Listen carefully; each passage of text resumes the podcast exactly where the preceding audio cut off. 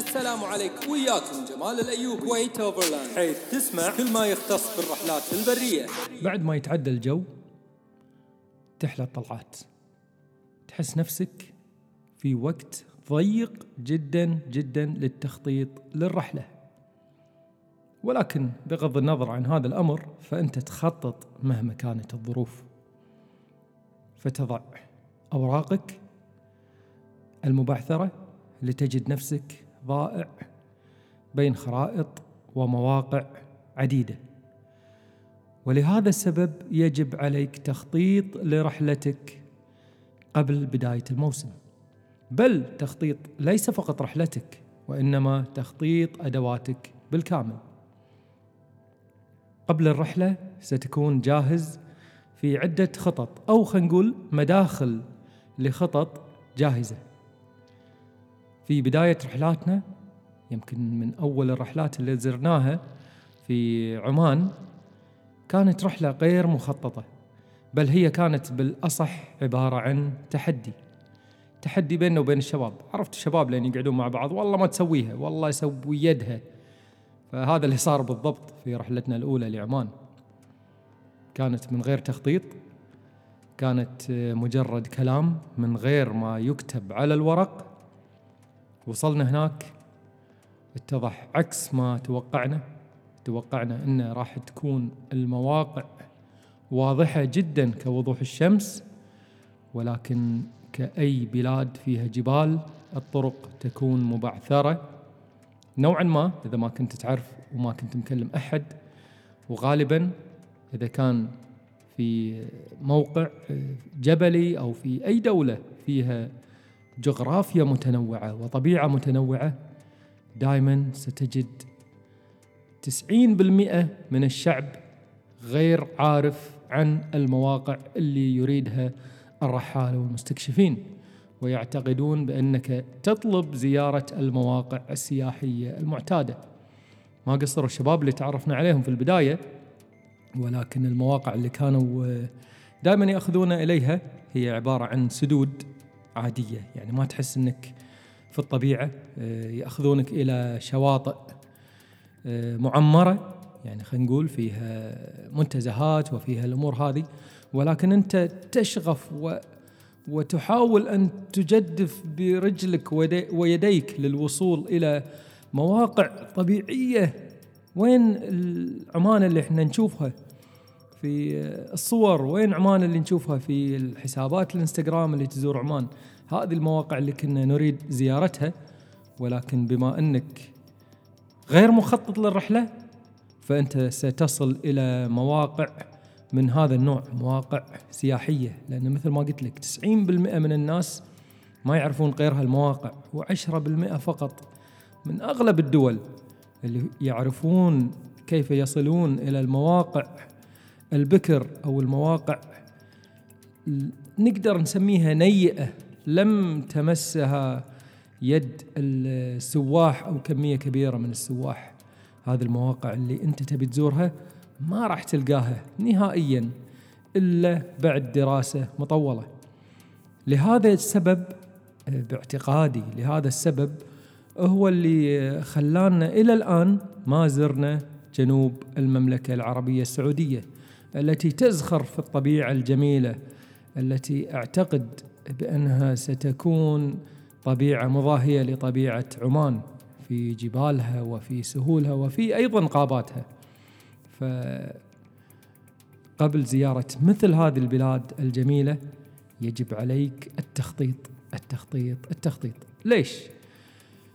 لما تزور الدول الأجنبية بالتأكيد ستكون هناك شركات للرحلات السياحية ستكون هناك رحلات ال hiking ستكون هناك ممرات ال hiking ستكون هناك خطط مدروسة ستكون هناك كتيبات وكتب و وأمور عديدة يمكنك أن تتبعها. افتح الإنترنت وت... وستجد.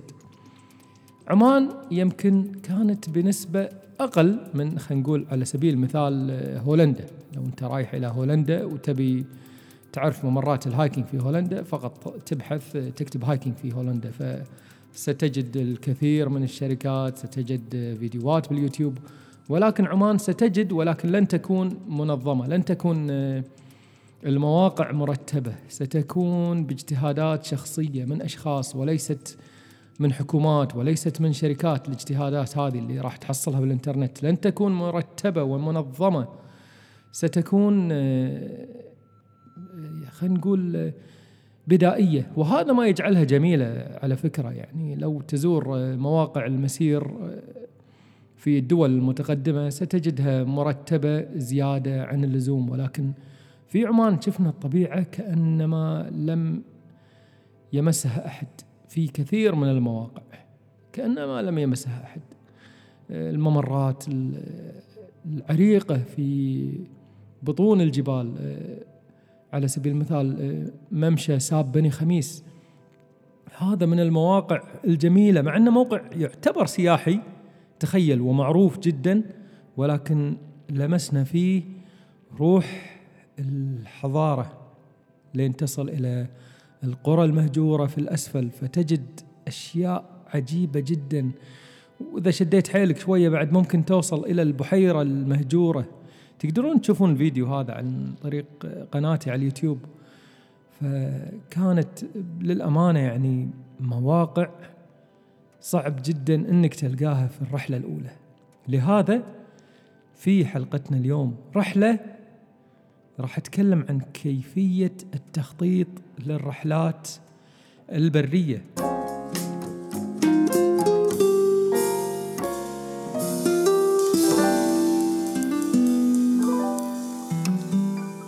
البدايه يجب أن نعلم أن التخطيط للرحلات البرية أو كي تتعلم كيفية التخطيط للرحلات البرية لن تستطيع في يوم وليلة أنك تخطط رحلة برية. مستحيل. إلا إذا كانت عندك خبرة عريقة. يعني الحين لو تقول لي خطط حق عمان رحلة قادمة أقدر بيوم وليلة أخطط لك رحلة جدا ممتازة وسعيدة وهنيئة. وممكن إني أكتشف مواقع أحدث عن طريق بحث قليل أضم إلى الرحلة القادمة مواقع ما زرتها من السابق. فلدراسة هذه المواقع ستحتاج إلى معرفة. يعني لو تقولي الحين خطط لرحلة قادمة في جنوب المملكة راح أقف أمامك عاجز. لن أتمكن من التخطيط. ليش؟ ما أعرف المواقع. بكل اختصار ولو أبحث في الإنترنت راح أجد آلاف المواقع. ولكن هل تضمن لي أني إذا وصلت إلى هذه المواقع سأجدها مواقع طبيعية. على سبيل المثال واحد من المواقع الذي صنع لنا خلينا نقول ليست خدعة وإنما صنع لنا اتجاه معاكس عن اللي توقعناه. بحيرة زاخر في العين في الإمارات العربية المتحدة. لما وصلنا هذه البحيرة أو لما شفنا الصور أول شيء في البداية في الإنترنت وبسبب موقعها المناسب يعني تطلع من الكويت الساعة 6 الصبح خلينا نقول آه، توصل بحيرة زاخر على سبيل المثال ممشاك عادي توقف في المحطات يعني توصل تسع عشر بالليل. فالموقع آه، يعني على الصور اللي شفناها جدا جميل. ليش؟ لأنه كتبنا صور بحيرة زاخر. فأكيد 100% ما راح تشوف صور عادية يعني ما راح تشوف على سبيل المثال آه، صور نفس الصور اللي توضع في كاميرات المراقبة.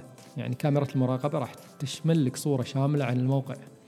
ولكن آه، كمصورين محترفين أو كشخص يبحث عن الجمال في المكان دائما يبعد آه، الشوائب عن الصورة نقدر نسميها. يبعد الشارع. ما راح يطلع لك شارع ما راح يطلع لك بنايات بالصورة. أكيد يبي يطلع لك الموقع كأن جنة في زوايا الأرض بعيدة جدا عن العمارة. ولكن لين وصلنا بحيره زاخر فعلا كانت جميلة. يعني لو تنظر في زوايا معينة كانت جميلة ولكن من العيوب؟ كانت قريبة على الشارع آه، كانت آه، يزورها الكثير من السواح خصوصا في الويكند. يعني راح راح تشوف سيارات البقي تمر عليك. والأضواء. وأنت تخيل جاي يعني درب طويل وتبي تنام بس بس تبي تنام ترتاح على أساس الصبح تاخذ لك فره على البحيرة تستمتع في مناظرها.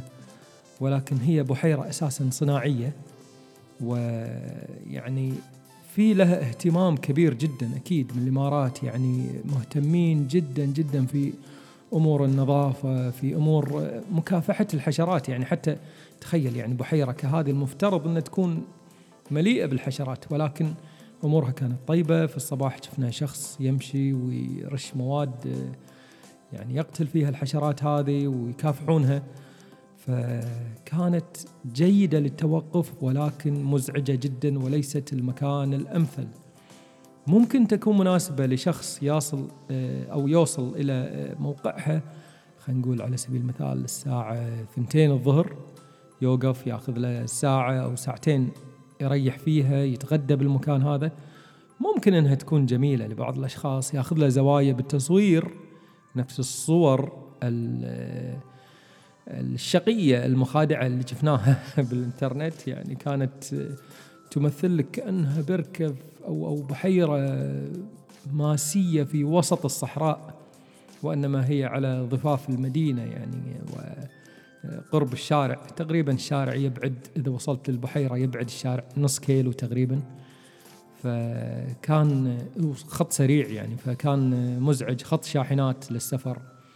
فكان مزعج ما ينفع للنوم مع إن إحنا دائما نستخدمه كنوم يعني. يمكن ثلاث مرات أو أربع مرات مرينا من هذا الممر ومكثنا في هذا المكان بسبب يمكن تقدر تقول هذا أيضا أمر يجب دراسته جدا قبل القرار إنك توقف في الإمارات. الإمارات من الدول التي يمتد فيها الربع الخالي. رملة الربع الخالي جدا صعبة جدا صعبة. يمكن الأشخاص الحين اللي من الإمارات يعرفون شنو أقصد.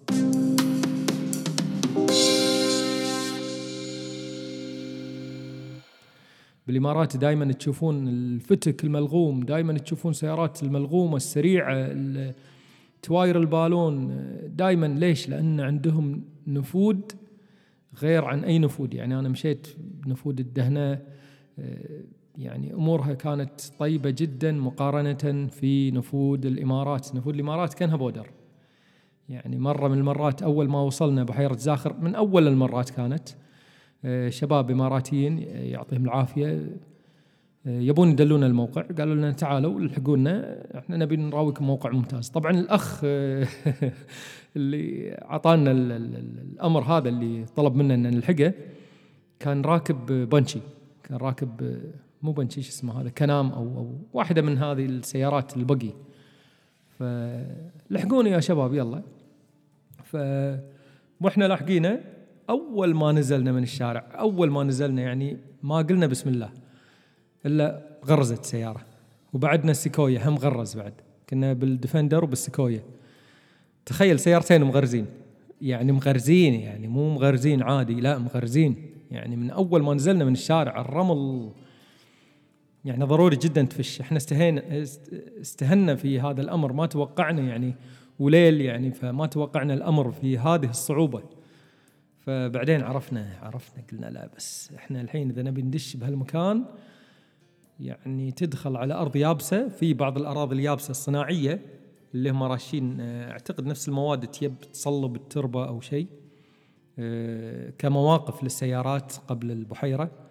فهذه المواقع اللي كنا نوصل لها وبعدين تنزل الرمل على حد الدوسة توصل الموقع اللي تبيه توقف باكر الصبح عاد تفتش عمرك دبر حالك وحاول الخروج من هذا الأمر. فعلشان كذي التخطيط آه، لمثل هذا الأمر يتطلب صعوبة يتطلب في البداية معرفة يتطلب شخص أنت واثق منه تماما إنه هو على جوك إنه هو فاهم أنت شنو تبي عارف أنت وين تبي توصل عارف أيضا المخاطر اللي ممكن تكون موجودة في هذا المكان يشرح لك إياها. آه، خذوا بالكم مثلا من الوادي الفلاني ممكن يكون في سيل. خذوا بالكم من الموقع الفلاني ممكن يكون في حيوانات مفترسة على سبيل المثال. خذ بالك من الموقع الفلاني معروف بالأفاعي. طبعا أي قصص أخرى خذ بالك من الموقع الفلاني ممكن يكون في جن ولا ممكن يكون في الفانوس السحري هذا أمر دائما ما ما يعني ما نرجع له يعني ولا ولا نهتم له ولكن الأمور الأخرى هذه البديهية الفعلية اللي هو اللي هو يعني ممكن تسبب خطورة وتشكل خطورة هذه دائما نحطها في عين الاعتبار. يعني وإحنا على يعني لو تشوفون أغلب رحلاتنا كلها مواقع يمكن إحنا ما نعرف اسمها يعني أساسا ما نعرف اسمها إلا بعد ما نخرج من المكان بعد ما ما نوصل الكويت نتأكد من النقاط اللي وقفنا فيها وأساميها وبعد البحث نعرف أساميها. ليش؟ لأن نظام رحلاتنا دائما نتجه إلى الموقع كمنطقة بشكل عام على سبيل المثال منطقة العلا ولكن لا نقصد موقع معين وإنما دائما آه، نقصد المنطقة نفسها وبعدين نبدأ بالتمشيط أو نبدأ في الحركة بالمنطقة نفسها الحركة بين الطرق بين الصحاري إلى أن نشوف آه، إلى أن نشوف جبل من بعيد على سبيل المثال أو كسرة بالرمل قوية من بعيد نشوفها. فنتجه إليها نتجه إليها. ودائما تكون مواقعنا للجلوس بعيدة عن الأنظار. يعني على سبيل المثال الحين ماشيين على دباية دخلنا بعدين شفنا كسرات صخور عملاقة نروح وراها بعدين ورا اللي بعدها لين تختفي الطرق الترابية ونحط ونخطط لنا مكان ونجلس فيه. طبعا دراسة الأرض أمر جدا ضروري. دراسة الأرض بالموقع نفسه مثل ما قلت لكم دراسة الأرض من الجوجل ما راح تفيدك. دراسة الأرض إما إن شخص يعرف الأرض يشرح لك كيفية الأرض إما إنك تصل إلى المكان هذا. وفي مكان بالعلا وصلنا له مكان من أعجب الأماكن. يمكن شفتوا في رحلة آه، اكتشاف شمال السعودية. يعني أماكن عجيبة وغريبة. تخيل مكان أرض ممتدة إلى أكثر من خمس ست كيلومترات. كلها الأرض عبارة عن آه، أرض صلبة متشققة. شفت شلون الأرض لين يحوشها مطر بعدين تتشقق تتبطط ولكن قطع كبيرة. كانها كأنها مرصوفة. أرض في وسط الصحراء دخول تقريبا عشرة كيلو بالبر. بعدين تطلع لك الأرض هذه بيضة غريبة وعجيبة. بين الصخور السوداء أرض بيضاء فاقعة البياض. يعني منظرها فاقعة أكثر من بياض الغيوم ولين توصلها تحس إنه كأن شخص أو كأن ملك صف الأرض بالطابوق يعني مكسر يعني طابوق كل قطعة غير عن شكل الثانية مرصوفة رصف على مد النظر. شيء ما تقدر توصفه شيء من الخيال. الأرض هذه يعني توصل ما يعني ما تقدر تشرح ما تقدر تتوقف أفكارك. فهذه من المواقع اللي شفناها بالصدفة. يمكن هي معروفة حق كثير من الرحالة وكثير من خلينا نقول على سبيل المثال المصورين اللي يبحثون عن المناطق البعيدة من هذا النوع والغريبة. ولكن تخيل إن إحنا وصلنا لها للصدفة. وشفنا الموقع وقعدنا فيه وكشتنا فيه ونمنا يومين والأمور طيبة جدا ولا أصلا نعرف اسم هذا المكان. ما نعرف فقط ان فقط انه هو في منطقة العلا في السعودية في قريب تبوك. فكان هذا الموقع يعني تخيل من غير دراسة. أيضا موقع آخر من غير دراسة جبل شخنب. جبل شخنب هذا يعني تخيل انه وصلنا الجبل صورت الجبل ما أعرف اسم الجبل. واحد باليوتيوب معلق عليه كاتب هذا الجبل اسمه جبل شخنب. مع البحث والأمور هذه اتضح فعلا إن هذا الجبل اللي شفناه من بعيد شكله مميز شكله بارز كأنه بناية عملاقة كأنه مجمع في وسط الصحراء. يناديك يقول لك حياك تفضل تشوف إيش عندنا. هذا كان جبل شخنب. فالحين لو أنا بخطط مرة ثانية لرحلة للعلا هل تقول لي جمال ما راح تزور المواقع نفسها اللي شفتها؟ أكيد بزور المواقع نفسها اللي شفتها. ممكن للمكوث فيها يوم، ممكن للمرور عليها فقط لاسترجاع الذكريات. علشان كذي الرحلات في بدايتها دائما تكون رحلات قصيرة. رحلات بسيطة يمكن آه، رحلات تمل من خلالها رحلات مخطط لها حق أسبوع تنقلب إلى أربعة أيام. ولكن الآن لو برجع إلى نفس المواقع رحلة الأسبوع هذه راح تكون كأنها لمحة بصر. ما راح تشعر فيها. عشان كذي أنصح الجميع إذا بتروح رحلة ما عندك مواقع تبي تتبع أسلوبنا في كيفية الدخول ما أنصح أنك تروح رحلة طويلة. رحلة ممكن تكون أقصى ما فيها أسبوع. أكثر من أسبوع راح تحس بالملل راح تحس ما في مواقع. خلاص ليش؟ لأن مخك راح يتوقف. التخطيط للرحلة يجب أن يكون دقيق. يجب أن يكون شامل في البداية ولكن دقيق بعد البداية. يعني في بداية الأمر تقرر هل بروح عمان ولا هل بروح العلا مثلا والمناطق اللي حواليها؟ ولا هل بروح آه، الدهنة مثلا؟ آه، صحراء ونفود. طبعا الدهنة منطقة ترى عظيمة وعملاقة تقع في تقريبا آه، في بطن السعودية. الدهنة صحراء كبيرة تتميز رمالها في اللون البرتقالي. تمتد امتداد كبير. ف وتختلف يعني تختلف الطبيعة يعني. تخيل أنت بالشمال أعلى باتجاه الأردن على سبيل المثال راح تشوف نفود لونها أحمر مختلطة في جبال سوداء اللون كأنك قاعد في كوكب كأنك في موقع آخر من العالم. صعب أشرح الشيء بواسطة الكلام. أيضا صعب أشرح الشيء بواسطة الصور. يعني لن تشعر في عظمتها إلا لما تكون في وسطها. يمكن في ناس يمرون بالشارع يشوفون المناظر العملاقة. افتح الجوجل مابس وشوف نفسك أنت وين موجود. واسحب الخريطة. اسحب الخريطة راح تجد مئات الكيلومترات يمينك مئات الكيلومترات يسارك مقطوعة ما فيها منازل ما فيها شوارع ما فيها شيء. مئات الكيلومترات يا جماعة إحنا بالشارع يمكن امتداد نظرنا ما يتجاوز 2 كيلو. لما تشوف يمين 2 كيلو لما تشوف يسار 2 كيلو. لا لو على هالنظرة هذه بعد يجيك واحد ويقرر لا لا مو حلوة المنطقة هذه يسار. شنو اللي مو حلوة المنطقة يسار يا حبيبي؟ أنت قاعد تطالع أقل من كيلو. قررت إنها مو حلوة؟ افتح الجوجل وشوف بعد إيش كثر ممتدة المنطقة من غير شوارع. إحنا لين نمشي بالشارع كل عشر دقائق تقريبا كل عشر دقائق تتغير الأرض. إحنا ماشيين 140 تقريبا. كل عشر دقائق تتغير الأرض تتغير الجبال تتغير ألوانها. طبيعة عملاقة. فكيف تخطط لهذه الأمور؟ وفي وايد أيضا أماكن شفناها بالشارع. تشوف المكان هذا الجبال هني حلوة. ندخل مع أن شايفينها بالجوجل أن أن الأرض ممتدة. فندخل بين الجبال نوصل لأرض مثلا منبسطة وتمتد هالأرض المنبسطة. وفعلا يكون ماكو شيء. مع أن بالبداية كانت جميلة من الشارع ولكن بعد الدخول ماكو شيء.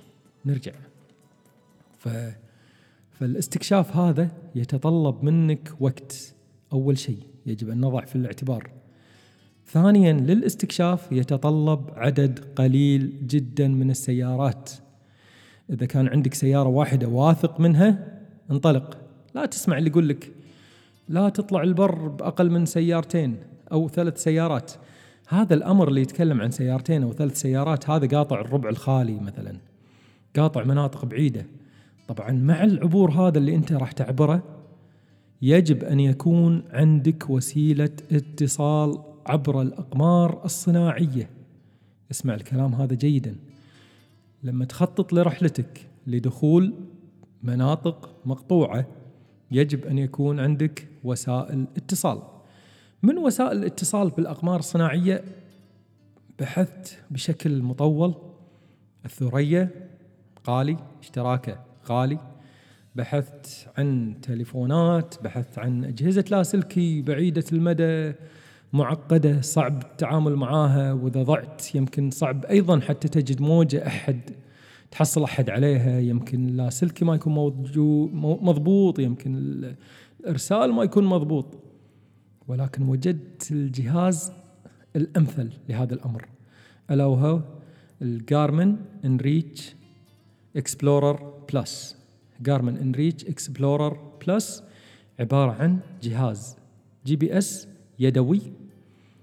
آه، لونه برتقالي له أريل صغير. آه، متعاقدة شركة Garmin مع شركة اسمها Iridium شركة Iridium عبارة عن شركة للاتصالات بالأقمار الصناعية. الجهاز هذا سيمكنك من الاتصال في أي شخص تبيه أو أي رقم تليفون عن طريق الرسائل النصية. أي رسالة نصية ترسلها لأي شخص ممكن هو يرد عليها ويكلمك يخاطبك وأنت. تتكلم معاه عن طريق اشتراك شهري. اشتراك شهري قيمة الاشتراك 20 دينار. تخيل لل- للشهر الواحد 20 دينار. إذا تبي تكنسله بعد الشهر هذا أيضا تتمكن عادي يعني. فتخيل 20 دينار. شهر كامل تدز مسجات وتستقبل المسجات اللي تبيها. ترسل موقعك آه، ترسل رسالة استغاثة. SOS أيضا موجود فيه زر لل SOS تفتح ال- في نفس الغطاء تفتح الغطاء تضغط الزر. إن شاء الله راح يكون له فيديو خاص على قناتي على اليوتيوب. تقدرون تشوفون الجهاز هذا ومواصفاته بالكامل. وأيضا سأحاول أن أضع كيفية الاشتراك في هذا الجهاز لأن للأمانة أفضل جهاز شفته على الإطلاق يعني في مواقع كنا نزورها في عمان. دائما أعرف إن هالموقع هذا ما فيه إرسال فكنت دائما أكلم الاهل قبل أوصل موقع ترى الحين بندخل مكان ما فيه إرسال ولكن في الرحلة الأخيرة كنت أكلم الاهل عن طريق الجهاز هذا. أسلم عليهم ويردون علي وأموري طيبة عن طريق الجهاز. تأخذ راحتك بالمسجات مسجات مفتوحة. فمثل هذا الجهاز ضروري جدا لدخول المواقع والاستكشاف. ليش؟ أي شيء ممكن يصير لك خصوصا إذا كنت رايح بسيارة واحدة أي شيء يصير لك ممكن أنت تتصل بسهولة. طبعا إذا كنت رايح أنت بسيارة واحدة أيضا عليك تجهيز سيارتك التجهيز الصحيح. من أهم الأمور وسائل الخروج ووسائل الإخراج من التغريز. الواح التغاريز الألواح الرمل اللي هي ال sand tracks آه، Maxtrax آه، امور مختلفة. أيضا آه، الونش الونش راح يساعدك طبعا. وسائل الإخراج الفردية قاعد أتكلم وليس اللي إذا كان في سيارة ثانية تساعدك. الفردية أنت تطلع نفسك بنفسك. سيارة مجهزة تواير مجهزة سيارة مسوي لها service سيارة مسوي لها يعني صيانة كاملة تأكيد متأكد من امور السيارة وسلامتها. آه، سيارة تكون آه، طرازها حديث وليست سيارة قديمة كلاسيك انت رايح وداخل لي أماكن مقطوعة. سيارة يكون طرازها حديث آه، متأكد من سلامتها. فهني تبدأ بالاستكشاف. في واحدة من رحلاتنا كانت إلى حايل واستكشفنا فيها وديان عديدة وزرنا أيضا تبوك فيها. كانت بسيارة واحدة. كانت فقط في سيارتي بالديفندر. كانت أموره طيبة. كان آه، يمكن صار له سنتين شاري. آه، ركبت فقط سلة. كان عليه فقط سلة وونش. ودخلنا. دخلنا جميع الأماكن. مع انه وايد ناس عارضوني في هذه النقطة. كيف تذهب وحيد أو في سيارة واحدة. ولكن في السيارة هذه أكل يكفينا أربعتنا شهر يمكن نقعد. شهر نقعد بالبر وسائل اتصال وسائل الإنقاذ آه، إسعافات أولية جميع الأمور اللي نحتاجها كانت موجودة بالإضافة إلى اللاسلكي. فما كان في أي خوف. الخوف على الشخص اللي يدخل مقطوع. يدخل مقطوع هذا شخص مغامر. شخص قاعد يغامر في حياته. ما يعرف إذا تعطلت سيارته كيف راح يطلع. يعني راح يفكر شو أسوي؟ شنو الحل؟ دائما أنت حط لك حلول. وقفت سيارتي. الحين طقت ماكينتها بنص البر. شلون أطلع؟ شلون أطلع؟ هل عندك وسيلة اتصال؟ إذا عندك وسيلة اتصال والمكان مقطوع تماما فأنت بالسليم. أه، هل يعني دخلت مسافة مثلا 50 60 كيلو؟ 60 كيلو تبي تمشيهم بريولك؟ ممكن. ما فيها أي مشاكل 60 كيلو. ولكن لازم تكون على لياقة تامة. للمشي 60 كيلو.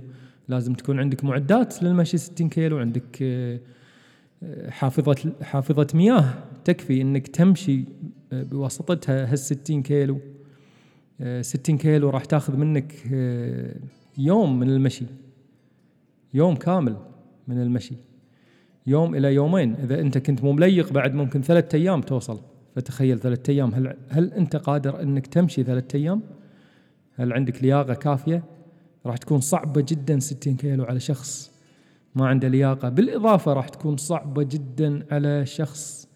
حتى لو كان مليق ولكن في مناطق جبلية راح تكون جدا صعبة على شخص ما يعرف في الملاحة.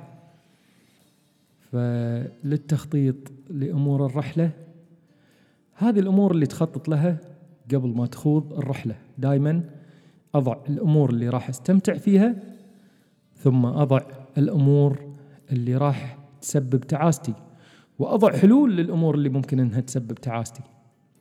أضع حلول كل شيء له حلول. في جهاز الجارمن هذا ما أدري يعني يمكن الحلقة تتوقع يعني يمكن الناس ينظرون إنها قاعدة تأخذ منحنى آخر كأنه دعاية لجهاز الجارمن ولكنها ليست دعاية. هذه بسبب قوة الجهاز والجميل اللي شفته في الجهاز في اشتراك من خلال الجهاز هذا نفسه وانت تس- تسوي اشتراكك في اشتراك تدفع زيادة أعتقد آه، 10 أو 20 دولار آه، يسوون لك إخلاء طبي. أي موقع في العالم تخيل ها إخلاء طبي. يعني على سبيل المثال قاعد تمشي طحت انكسر عمودك الفقري. لا سمح الله وبعيد الشر عن الجميع. صار لك إصابة بليغة اللي ما تقدر تركب سيارتك ما تقدر تسوق. تضغط ال SOS الزر راح يشبك مع شركة Iridium شركة Iridium راح يخاطبونك يدرون إنك أنت مشترك عندهم. هم الشركة راح يخاطبونك تقول لهم أنا عندي إصابة بالغة الحين طحت انكسرت صار فيني اللي صار.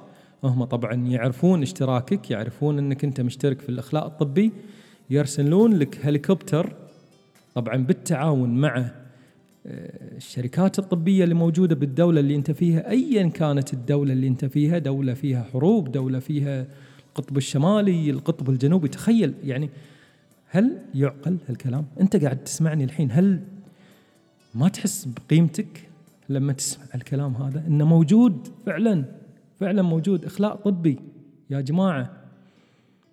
وفي أيضا اخلاء للكوارث. يعني توقفت سيارتك. أبي إخلاء. أنا الحين تطلب إخلاء.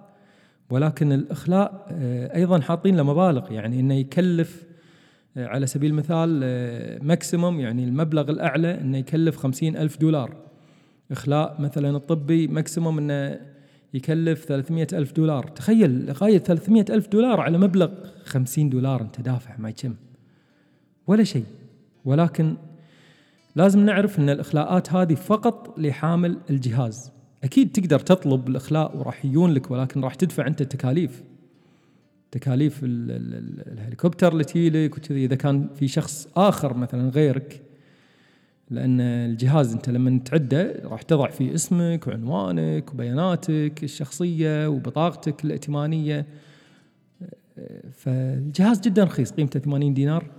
أي شخص آخر وياك بالرحلة ممكن إنه ياخذ الجهاز هذا. ممكن تاخذ ممكن كل واحد وياك بالرحلة يشتري جهاز. وأيضا مفيد على فكرة. إذا شبكته كفريق تشبك الأجهزة كلها كفريق وتقدرون تمشون بأي مكان بس تفتح الجهاز راح تشوف ربعك وين موقعهم عن بعض. آه، تكلمون بعض مباشرة عن طريق الإس إم إس. تكلمون بعض تضعون لكم نقطة تجمع تتجمعون فيها. أيضا ممتاز يعني من هالناحية هذه. فلو يصير حق أي واحد أي ضرر ممكن تطلبون إخلاء طبي. إخلاء طبي يودي لأقرب مستشفى في الدولة اللي أنتم فيها وبعدها بعد ما يعالجونك العلاج الأولي ياخذونك إلى أقرب مستشفى من بيتك. إيش تبي أكثر من كذي؟ فمن هذه الأمور اللي تخطط لها آه، يعني مثل ما شفتوا وسائل الاتصال وسائل النقل أيضا أمر آخر يجب أن تخطط له والكثير يغفلون عنه ألا وهو أمر اللياقة البدنية.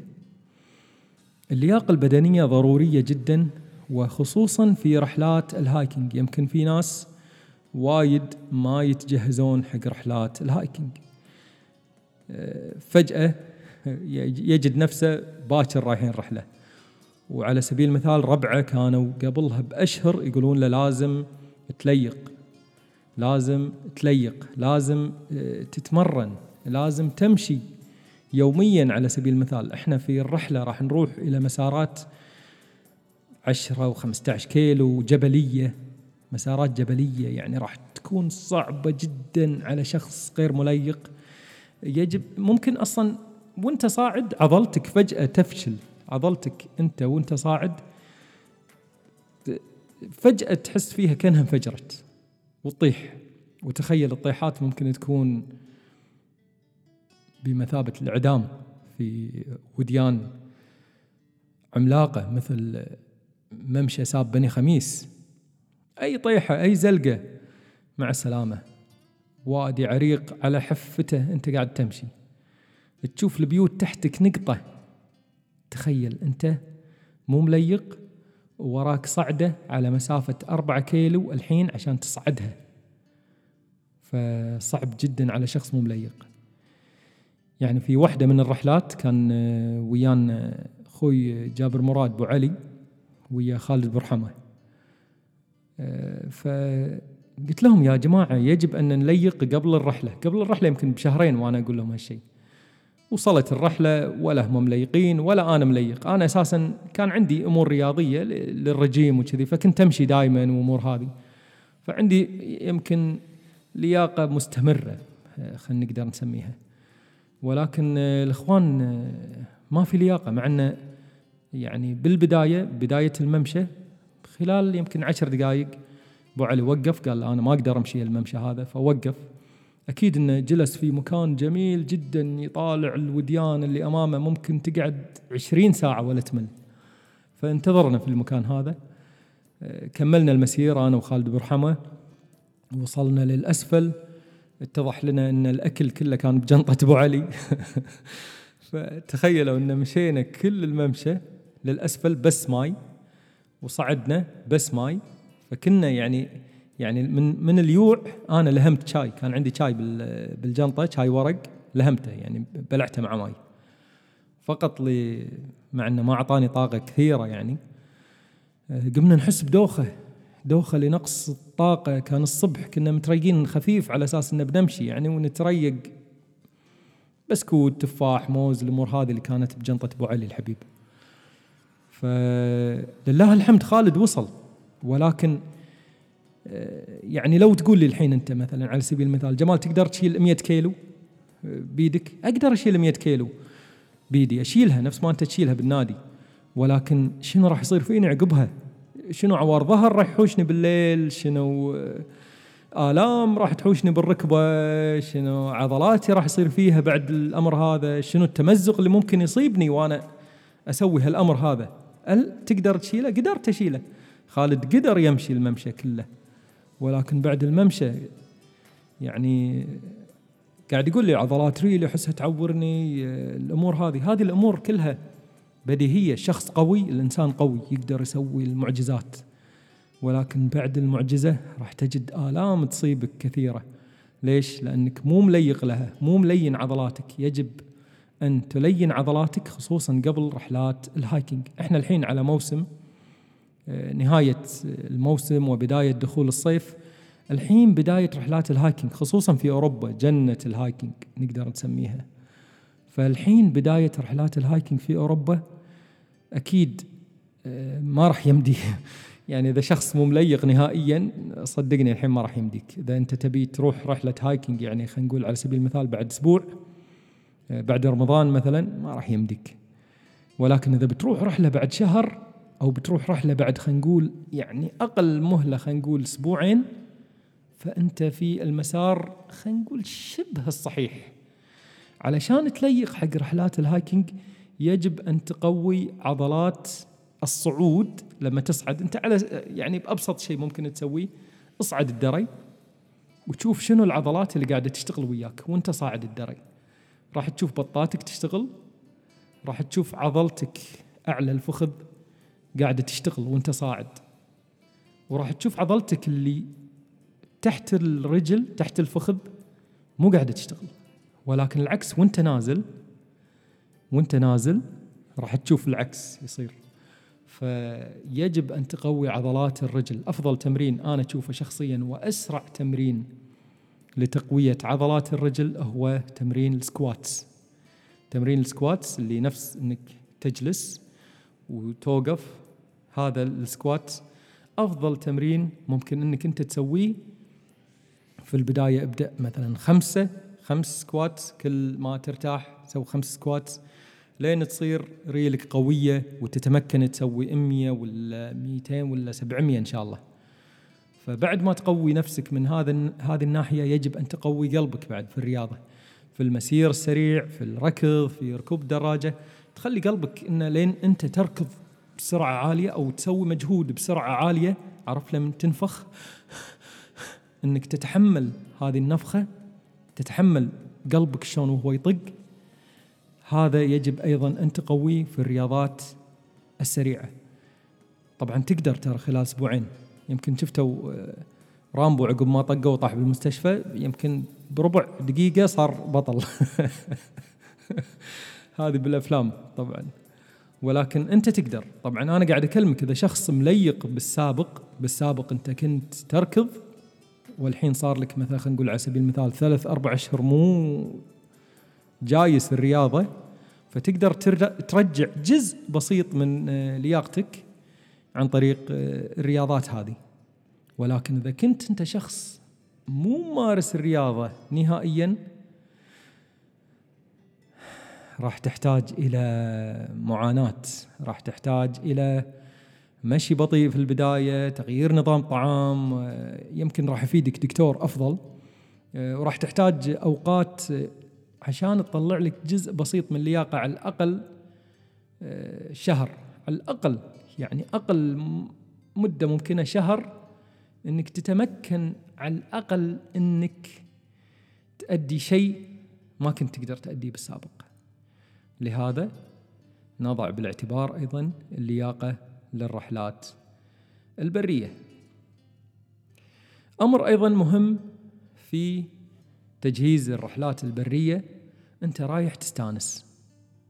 أنت رايح تستمتع في الطبيعة. هل أنت رايح حالة حرب؟ هل أنت رايح علشان تكتشف شيء شغلة غريبة وترفع علم بلادك؟ هل أنت رايح تبحث عن كنوز آه،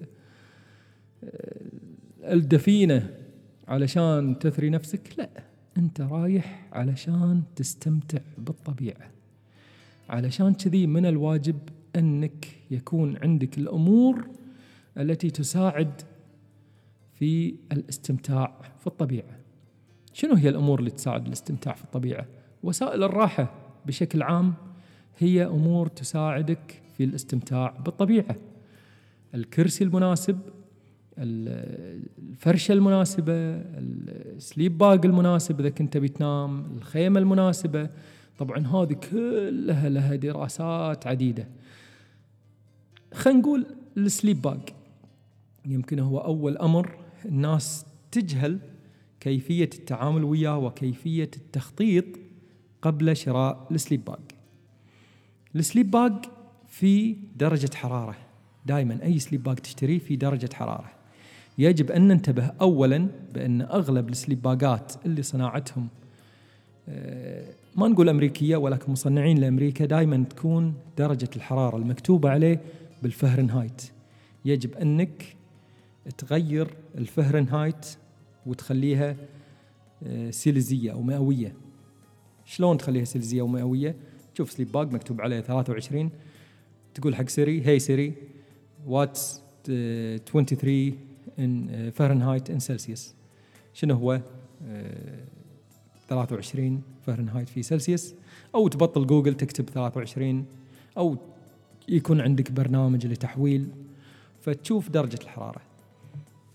طبعا يجب أن تعرف أيضا درجة الحرارة وقت النوم. يعني على سبيل المثال أنت زاير منطقة راح تنام الساعة 11 لغاية الساعة 6 لازم تشوف أبرد درجة حرارة. طبعا بواسطة برامج الطقس تعرف أبرد درجة حرارة راح تمر فيها في هذه الليلة اللي أنت راح تنام فيها. خلينا نقول على سبيل المثال أبرد درجة حرارة واحد راح تكون. فتاخذ لك sleep bag يكون درجة حرارته واحد. يجب أن نعرف أيضا أن ال sleep bag ات يكون عليها ثلاث درجات حرارة مكتوب ثلاث درجات حرارة. درجة بالوسط عادة تكون ودرجة فوق أو درجة يمين أو درجة يسار دائما تكون في حرارة بالوسط. الحرارة اللي بالوسط هذه يسمونها ال comfort temperature درجة حرارة الراحة. يعني إذا صارت درجة الحرارة مثلا مكتوب رقم واحد. إذا صارت درجة الحرارة واحد أنت مرتاح ما تحس أنك حران وتعرق. طبعا يحسبونها هذه درجة الحرارة لما تكون لابس ملابس للنوم وليس مفصخ وليس لابس لبس الهايكنج. درجة ملابس النوم. ملابس النوم عادة عند الرحالة في الأجواء الباردة تكون الملابس الداخلية طويلة كم طويل؟ ملابس داخلية تحت ملابس داخلية فوق. كم طويل اللي تكون من آه، بوليستر عادة إذا كانت رخيصة السعر أو تكون من قماش آه، الصوف المورينو آه، عادة. وهذه الملابس عادة تكون خفيفة تساعد في الدفء إذا لبست فوقها ملابس. ولكن إذا فسخت الملابس اللي عليها تحس بالبرد. فهذه درجة الحرارة اللي هم يقصدونها لما تستخدم ال sleep bag في ناس ينامون بملابسهم ملابس ال hiking ويقول ال sleep bag حار كان. أقول إيش لابس؟ يقول لي لابس ملابسي نفسها يعني ملابس ال hiking. ولكن هذا غير صحيح. sleep bag ات ما تنحسب بملابس ال hiking كاملة وإنما تنحسب بالملابس الداخلية الكم طويل من تحت وفوق. فدرجة الحرارة قلنا ثلاث درجات تنكتب. الدرجة اللي في الوسط هي درجة الراحة ال comfort. درجة حرارة واحد الطقس أنت مرتاح إذا كان sleep bag ك مكتوب عليه واحد ال comfort. في درجتين حرارة آه، حرارة الأخريات اللي مكتوبين على sleep bag ك تكون الدرجة اللي على اليمين أو فوق تكون عادة ال hot extreme هوت يعني راح تحس بالحر راح تبدأ بالتعرق راح تحس إنك مو مرتاح إذا صارت درجة الحرارة دائما يكون بينهم فروق بسيطة. بين مثلا الواحد اللي هي أنت مرتاح درجة حرارة الحر تكون مثلا خلينا نقول على سبيل المثال عشرة عشر درجات. إذا وصلت عشر درجات بالليل مثلا أو أيا كان راح تحس إنك محتار.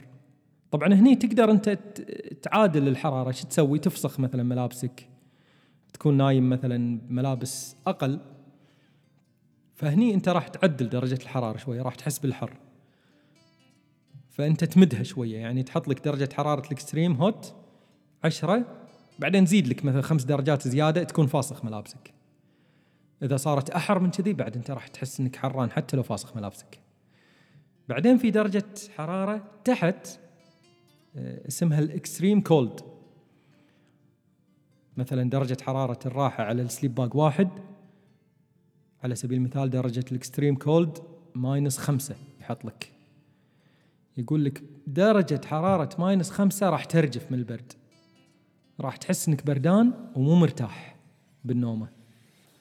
طبعا هذه درجة الحرارة يا جماعة تنحسب على الموقع اللي أنت نايم فيه. أنت نايم داخل كهف لازم تعرف درجة حرارة الكهف هذا بالليل. أنت نايم في خيمة يجب أن تعرف درجة حرارة خيمتك بالليل. فيجب أن تعرف هالشيء هذا على أساس إنك تقدر تقرر حق ال sleep bag مالك.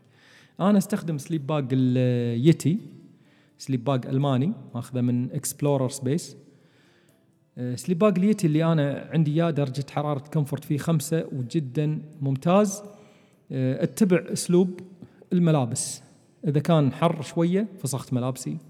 إذا كان الجو بارد وقارص أنام حتى بالجاكيت. يعني مرة من المرات حاشنا minus أربعة في شعيب الحسكي بالسعودية. تخيلوا إن لابس ملابسي وزيادة عزكم الله الدلاق والجوتي داخل sleep bag مع الجاكيت. الساعة أربع الفجر قبل الأذان سمعت خروشة برا وشفت نور نار شابة. فقلت شو السالفة بطلت الخيمة ولا أبو علي؟ ابو علي قاعد من البرد قال لي والله العظيم إنه برد من كثر البرد قلت أطلع برا وأشب لي نار وأقعد عند النار أبرك لي من الخيمة وال sleep bag اللي نايم فيه مع إن ال sleep bag ماله ترى minus حرارته. فتخيلوا البرد اللي وصلنا له. ف فطبعا لدرجة حرارة البرودة يعني لدرجة البرودة القصوى هذه أنت تحتاج أمور خاصة يعني مختلفة تماما. يمكن يمكن أشياء قطبية. وما أنصح أي أحد يشتري أشياء قطبية لأنك أنت ما راح تروح القطب الشمالي ولا الجنوبي. ولا راح تروح ألاسكا ولا راح تروح الأمور هذه. ف sleep bag ات العملاقة هذه الخاصة حق الطقوس الصعبة كان ممكن إنها تفيدنا في هذه الليلة ولكنها ليلة وعدت وعقبها صار الجو جدا معتدل. أجواءنا دائما معتدلة. فأنصح أي واحد يبي يشتري sleep bag يشتري sleep bag درجة حرارة خمسة. نفس اللي أنا شاري ليتي.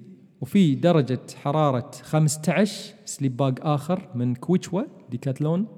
هذا ال sleep bag ين الاثنين أستخدمهم دائما يكونون اثنيناتهم بالسيارة. وأنصح جدا أن ال sleep bag يكون صغير الحجم. إذا كنتوا أربعة تخيل بسيارة واحدة كل واحد جاي ب sleep bag عملاق وين بتخلي ال sleep bag فأنصح تكون sleep bag ات صغيرة خاصة بال hiking حتى تستخدمه برحلة ال hiking أو تستخدمه في رحلة إذا كانت بالسيارة أيضا راح يكون مفيد. هذا بخصوص السليب باج. الحين نيع الخيمة. شلون تجهز الخيمة؟ هل راح تنامون مجموعة بخيمة واحدة؟ هل راح تستخدم الخيمة للأكل؟ هل رحلتك تتضمن مكوث طويل في الصحراء ممكن عاصفة ممكن أمطار غزيرة تقعدون بالخيمة كلكم لفترة طويلة. أكيد ما راح تقعدون بالسيارة ولا كل واحد بخيمته الصغيرة. يعني رحلة من رحلات الدهنة حاشتنا عاصفة. يومين يومين مطر يومين مطر. كل واحد قاعد بخيمته الصغيرة ما عندنا خيمة كبيرة. كل واحد قاعد بخيمته الصغيرة مبطلين البيبان على بعض ونسولف. أجواء أجمل منها ما في. أمطار جميلة وخفيفة الجو بديع وعليل لدرجة ما عندك أي مشكلة أنك تقعد بخيمتك الصغيرة هذه وتسولف عبر جدران الخيام. كان ويانا أبو علي خالد برحمة جابر اشكناني من أجمل الشباب وأجمل الأجواء وأجمل الأمطار. نرجع للكويت ليش؟ عشان قاعد يطق مطر خير وبركة المطر أصلا. وبروق وشيء يعني عجيب كان وقتها. ولكن لو كان عندنا خيمة كبيرة مجهزة للأمطار نفس خيمة التنتبي اللي استخدمناها في رحلة ربيع الكويت الأخيرة لو تدخلون على قناة اليوتيوب تشوفونها رحلة أمطار. أمطار خير وخيمة كبيرة وكلنا بالخيمة ولو شابين بعد داخلها نار فمثل هذه الخيمة راح تغير نمط رحلتك. تخيل من رحلة كل شخص بخيمته ولا يمكن كل شخص بسيارته ولا يمكن تتجمعون بالسيارة ولا يمكن تروحون استراحة حتى تقطعون الرحلة. لا. خيمة كبيرة راح تأدي الغرض. هذه الخيمة تنتبه يمكن سبع أو عشر رحلات. راحت ولا تبطلت.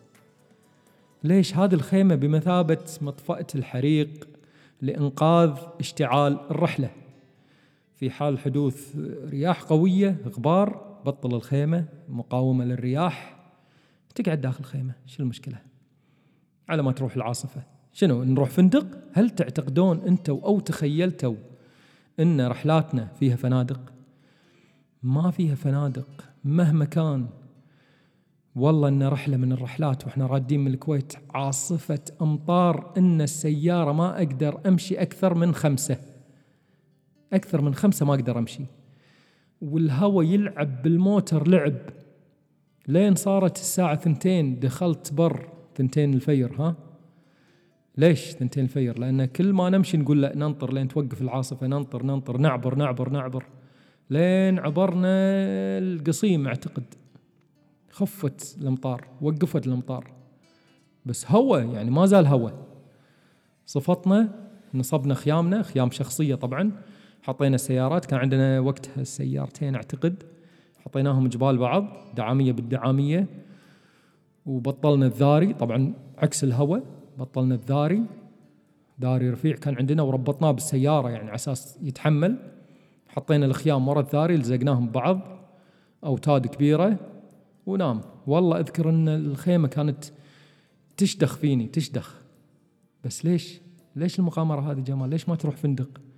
هذا التحدي. هذا الاجتهاد اللي يوصلك إلى مرحلة الثقة بالنفس. هل تعتقدون أن هذا الأمر مخالف للعقل؟ أنا أقول لك لا. لو كانت رحلتنا هذه في الربع الخالي وداخلين ألف كيلو بالربع الخالي شلون تبي ترد؟ صارت لك العاصفة هذه وأنت بالربع الخالي شلون تبي ترد؟ يعني لازم تجرب أدواتك. وعدت الليلة على خير. كان سرعة الرياح يمكن فوق السبعين. وعدت الليلة على خير. نمنا. طبعا الشباب كانوا يسبوني. أبو صلحة شخط فيني لين قال بس أنت من كيفك تقرر لنا ما بس بنفس الوقت يا جماعة ترى في متعة داخله لو كان فعلا فعلا غير موافق كان قال لي كيفك بالطقاق اللي يطقك روح دش البر وهو يروح استراحة. ولكنه ما راح استراحه ليش؟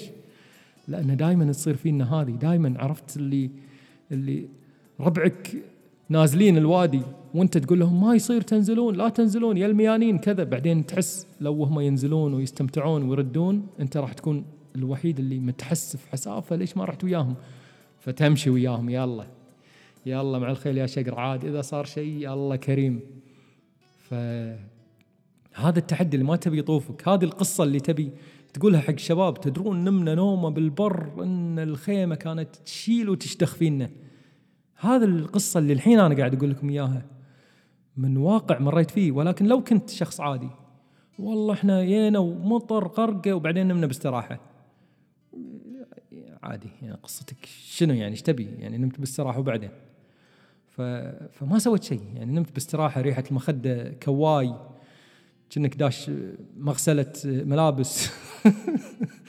فهذا الشيء اللي راح يقتل القصة راح يقتل روح القصة.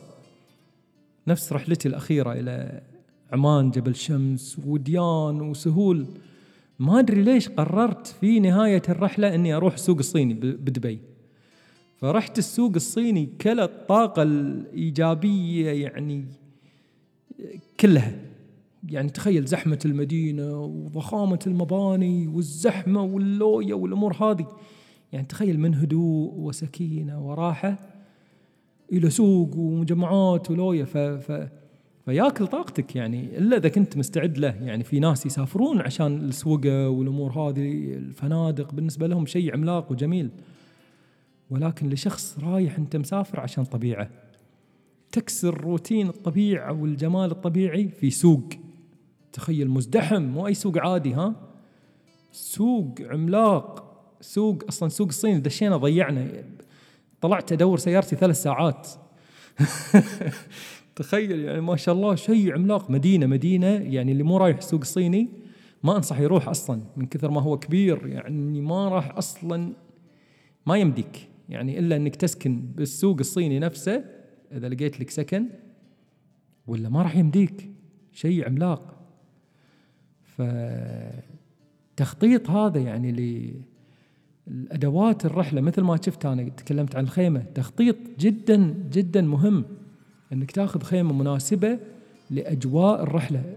شخصيا أنا في الأجواء الحارة أستخدم خيمة كوتشوا. ما أقصد الأجواء الحارة أنا بالصيف ما أطلع أصلا ولكن أقصد درجة الحرارة 15 10 15 أستخدم الكوتشوا. كوتشوا المدورة اللي تتبطل بسرعة. ولكن في الأجواء الباردة اللي هي مثلا خمسة بالليل اثنين واحد أستخدم خيمة القاضي المبيت الشتوية. خيمة جدا ممتازة مريحة فكها سريع وتسكيرها سريع نفس خيمة الكوتشوة. صحيح إنها شوي كبيرة آه، وهي مسكرة ولكن أنصح أنك تشيل الأرضية. هي تي معاها أرضية نفس السفنج تشيلها. أنت أساسا عندك فراشك التفخ. أنا أستخدم فراش التفخ. يكون ضعيف خاص للهايكينج. فشفتوا شلون أدوات الراحة هذه كلها راح تغير نمط الرحلة. شخص مو جايب وياه فراش تفخ في عمان. تخيل شنو راح يصير فيه. راح ينام على فراش من الحجارة الصلبة البارزة والمبوزة. وشخص جايب وياه فراش تفخ راح تكون نومته كأنه نايم بيته. فتشوف الفروق؟ طبعا فراش التفخي الأمر إنه شلون تبي تتفخه. أنا أستخدم فراش تفخ ضعيف وصغير على حجم جسمي. ليش؟ على أساس أتفخه بحلجي. أتفخه ب... أنا أنفخه شخصيا.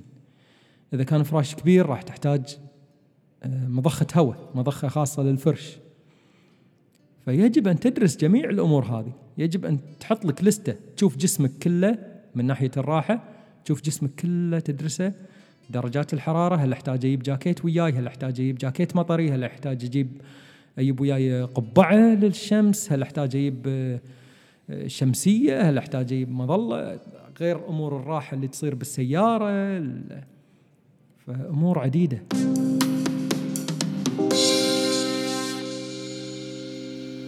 يمكن حساب كويت أوفرلاند تكلم عن كل هذه الأمور صعب إني أحصرها في بودكاست واحد أتكلم عن جميع الأمور. الحين قاعد أتكلم أنا عن تخطيط الرحلة. شوفوا وين رحنا.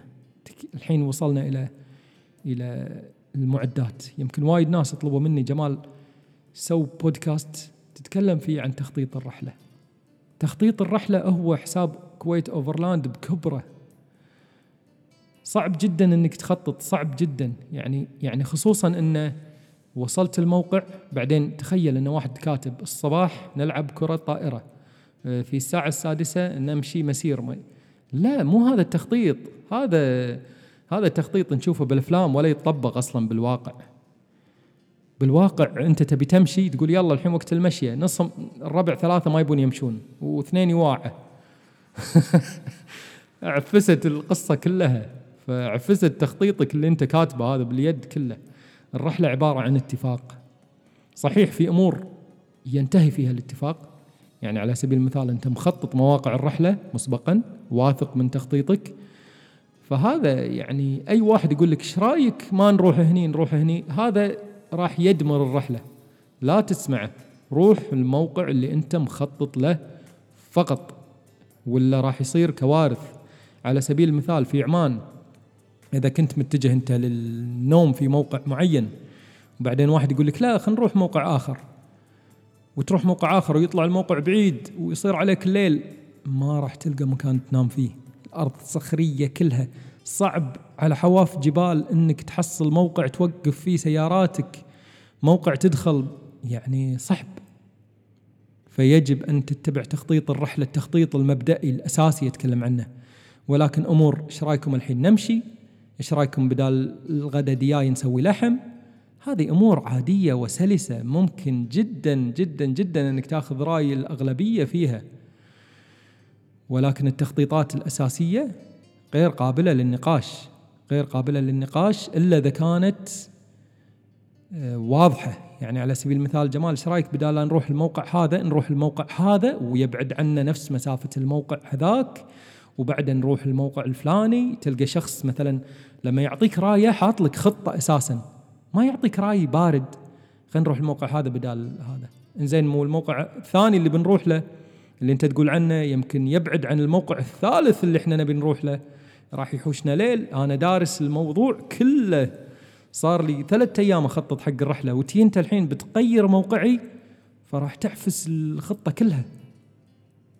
ف يعني هذه أمور آه، بسيطة يعني أنا تكلمت عنها. غير أمور أخرى يجب أن تتأكد منها. آه، عبور السيارة في الحدود آه، الأمور الممنوعة والأمور المسموحه يمكن من الأمور اللاسلكي. أنا الحين توني أدري ما أدري شلون يعني تخيلوا يا أخوان أن توني أدري أو يمكن الدنيا انقلبت أن اللاسلكي ال walkie talkie اللي هو بين سيارتين ممنوع منعا باتا. في الإمارات وفي عمان مع إنه هو الوحيد اللي كنا نستخدمه دائما ونحطه بوجه ال... بال يعني بالسيارة محطوط بوجه بالجام معلقينه. وتشوف الشرطي وأموره طيبة. ولكن الحين نسمع من شباب إنه ممنوع جدا لا غير مسموح. وتخيلوا الغريب بالموضوع إن ال CB الجهاز ال- الكبير هذا ال- ال Icom مثلا آه، ثابت بالسيارة مسموح. يقولون لا هذا عادي ما حد يقول لك شيء عليه. يا جماعة وين اللي ما حد يقول شيء عليه؟ إحنا اللي نعرفه هذا يصادرونه. حتى بالسعودية يعني يقول ها عندكم جهاز لاسلكي نقول لا عندنا اليدوي هذا بين سيارات. آه بين سيارات روح وتوكل على الله. ولكن مرة كانت ريشة عندي الريشة اللي هي ال- الميكروفون نفسه مال ال- اللاسلكي الثابت. كنت ناسي أنزلها من السيارة ومنزل اللاسلكي الثابت. قال لي ها عندك لاسلكي وين أطلعه؟ هذا ممنوع وكذا. قلت له والله مو عندي بس عندي الريشة هذه تبي تاخذها؟ خذها. قال لي يلا دام حلفت توكل على الله ماكو أمورك طيبة إن شاء الله. فالحين الشباب يقولون لا هذا الكبير مسموح. ف فتشوفوا نفس الأمور هذه يجب تتأكدون منها. تتأكدون منها شخص من شخص آه، ثقة من شخص عارف. يعني أنا ترى مو عارف في هالأمر هذا. أنا قاعد أقول لكم ما أدري مو متأكد. من الدرون الطيارة الدرون. في ناس تقول مسموحة في ناس تقول لك مو مسموحة. في ناس تقول يسحبونها في ناس تقول ما يسحبونها. في ناس شلون نتأكد من هالأمور هذه؟ إلا نسأل أهل الديرة نفسها. إلا نحاول نوصل نحاول نسأل. إذا تبي تخلي رحلتك على البركة البركة ممتازة ولكن قبل البركة والتوكل يجب عليك دراسة الموضوع. وليس نتوكل على الله وبس ما يصير. لازم قبل لا تتوكل تعمل. وليس أتوكل على الله أدخل الامتحان من غير ما أدرس. توكل على الله. ما يصير يا جماعة.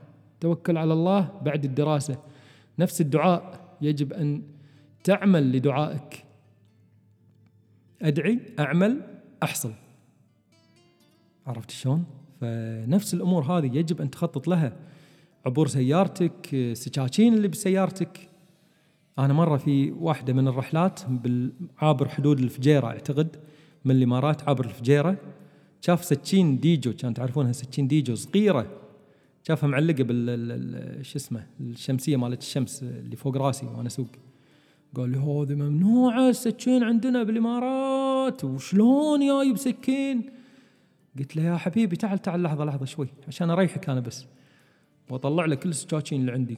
عندي سكاكين وسواطير وطلعتها حطيتها على ال cushion. قال لي لا إله إلا الله شنو هذا؟ كيف أنت جايب كيف جايب السكاكين هذه مدخلها؟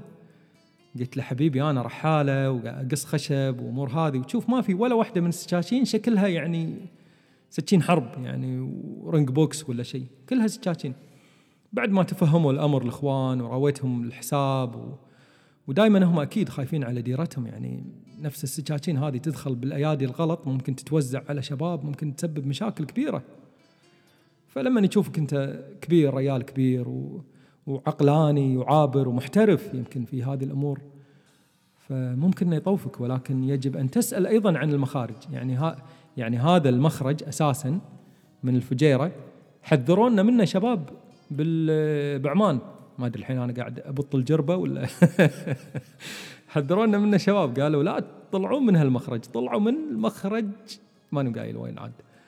لأن المكان الثاني هذاك عادي عارفين إنه في رحالة في قناصة في مخرج بري يعني الآخر هذاك المخرج بري عارفين ان أهل بر يعبرون منه دائما فوياهم سكاكين ممكن وياهم معدات للطبخ وياهم عارفين عرفت شلون؟ نفس لما تمر على السعودية أنت طالع من منفذ السالمي فاهمين أمورك انت سهالة يعني سيارتك برية فيها صناديق فيها عارفين اللي يعبرون هني كله أهل بر ومنفذ آه، الآخر اللي هو نويصيب.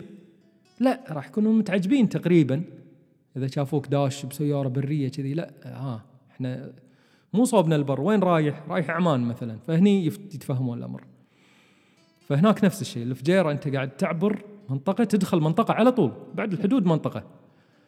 فهني عادة يكونون شوية يعني صعبين. خصوصا إحنا سياراتنا يعني يعني تخيل أنا ب Defender رايح دبي. ليش يعني Defender سيارة مجهزة جاي من جبل شمس مغبر الموتر داخل بروح دبي. فكانت خطة خاطئة. مثل ما شفتوا التجهيز أو سمعتوا. متعود على اليوتيوب مثل ما شفتوا. التجهيز للرحلات أمر جدا كبير. يمكن حاولت بقدر الإمكان أن أضع نقاط لكيفية التجهيز. ولكن واجهت صعوبة إني أضع نقاط. فقلت أسولف مثل ما سمعتوا سولفنا عن كيفية أو آلية أو سالفة عن تجهيز للرحلات البرية مختلطة بالسوالف. ممكن إنها تقدم لك الفائده ممكن إنها تخاطب الرجل اللي بداخلك نقدر نسميه أو العقل الباطن عن كيفية التجهيز يمكن باكر تي أنت بتشتري sleep bag بعدين تتذكر البودكاست هذا تقول جمال تكلم عن درجات الحرارة. يمكن تجي تبي تشتري درون عشان تدخل تصور رحلاتك بالسعودية بعدين تتذكر. جمال تكلم عن الدرون خلينا نسأل. فهذه مجرد نبذات عن رحلاتنا وعن أمور مرينا فيها أثناء التخطيط للرحلات. أتمنى تكونون استفدتوا من هذا البودكاست.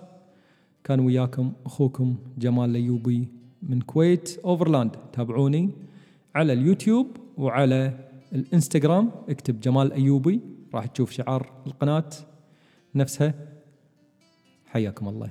والسلام عليكم ورحمة الله وبركاته. كان معاكم جمال الأيوبي. إلى لقاء قادم. في حلقات متجددة. للمزيد تابعوني. إنستغرام يوتيوب والموقع الإلكتروني. q8overland.com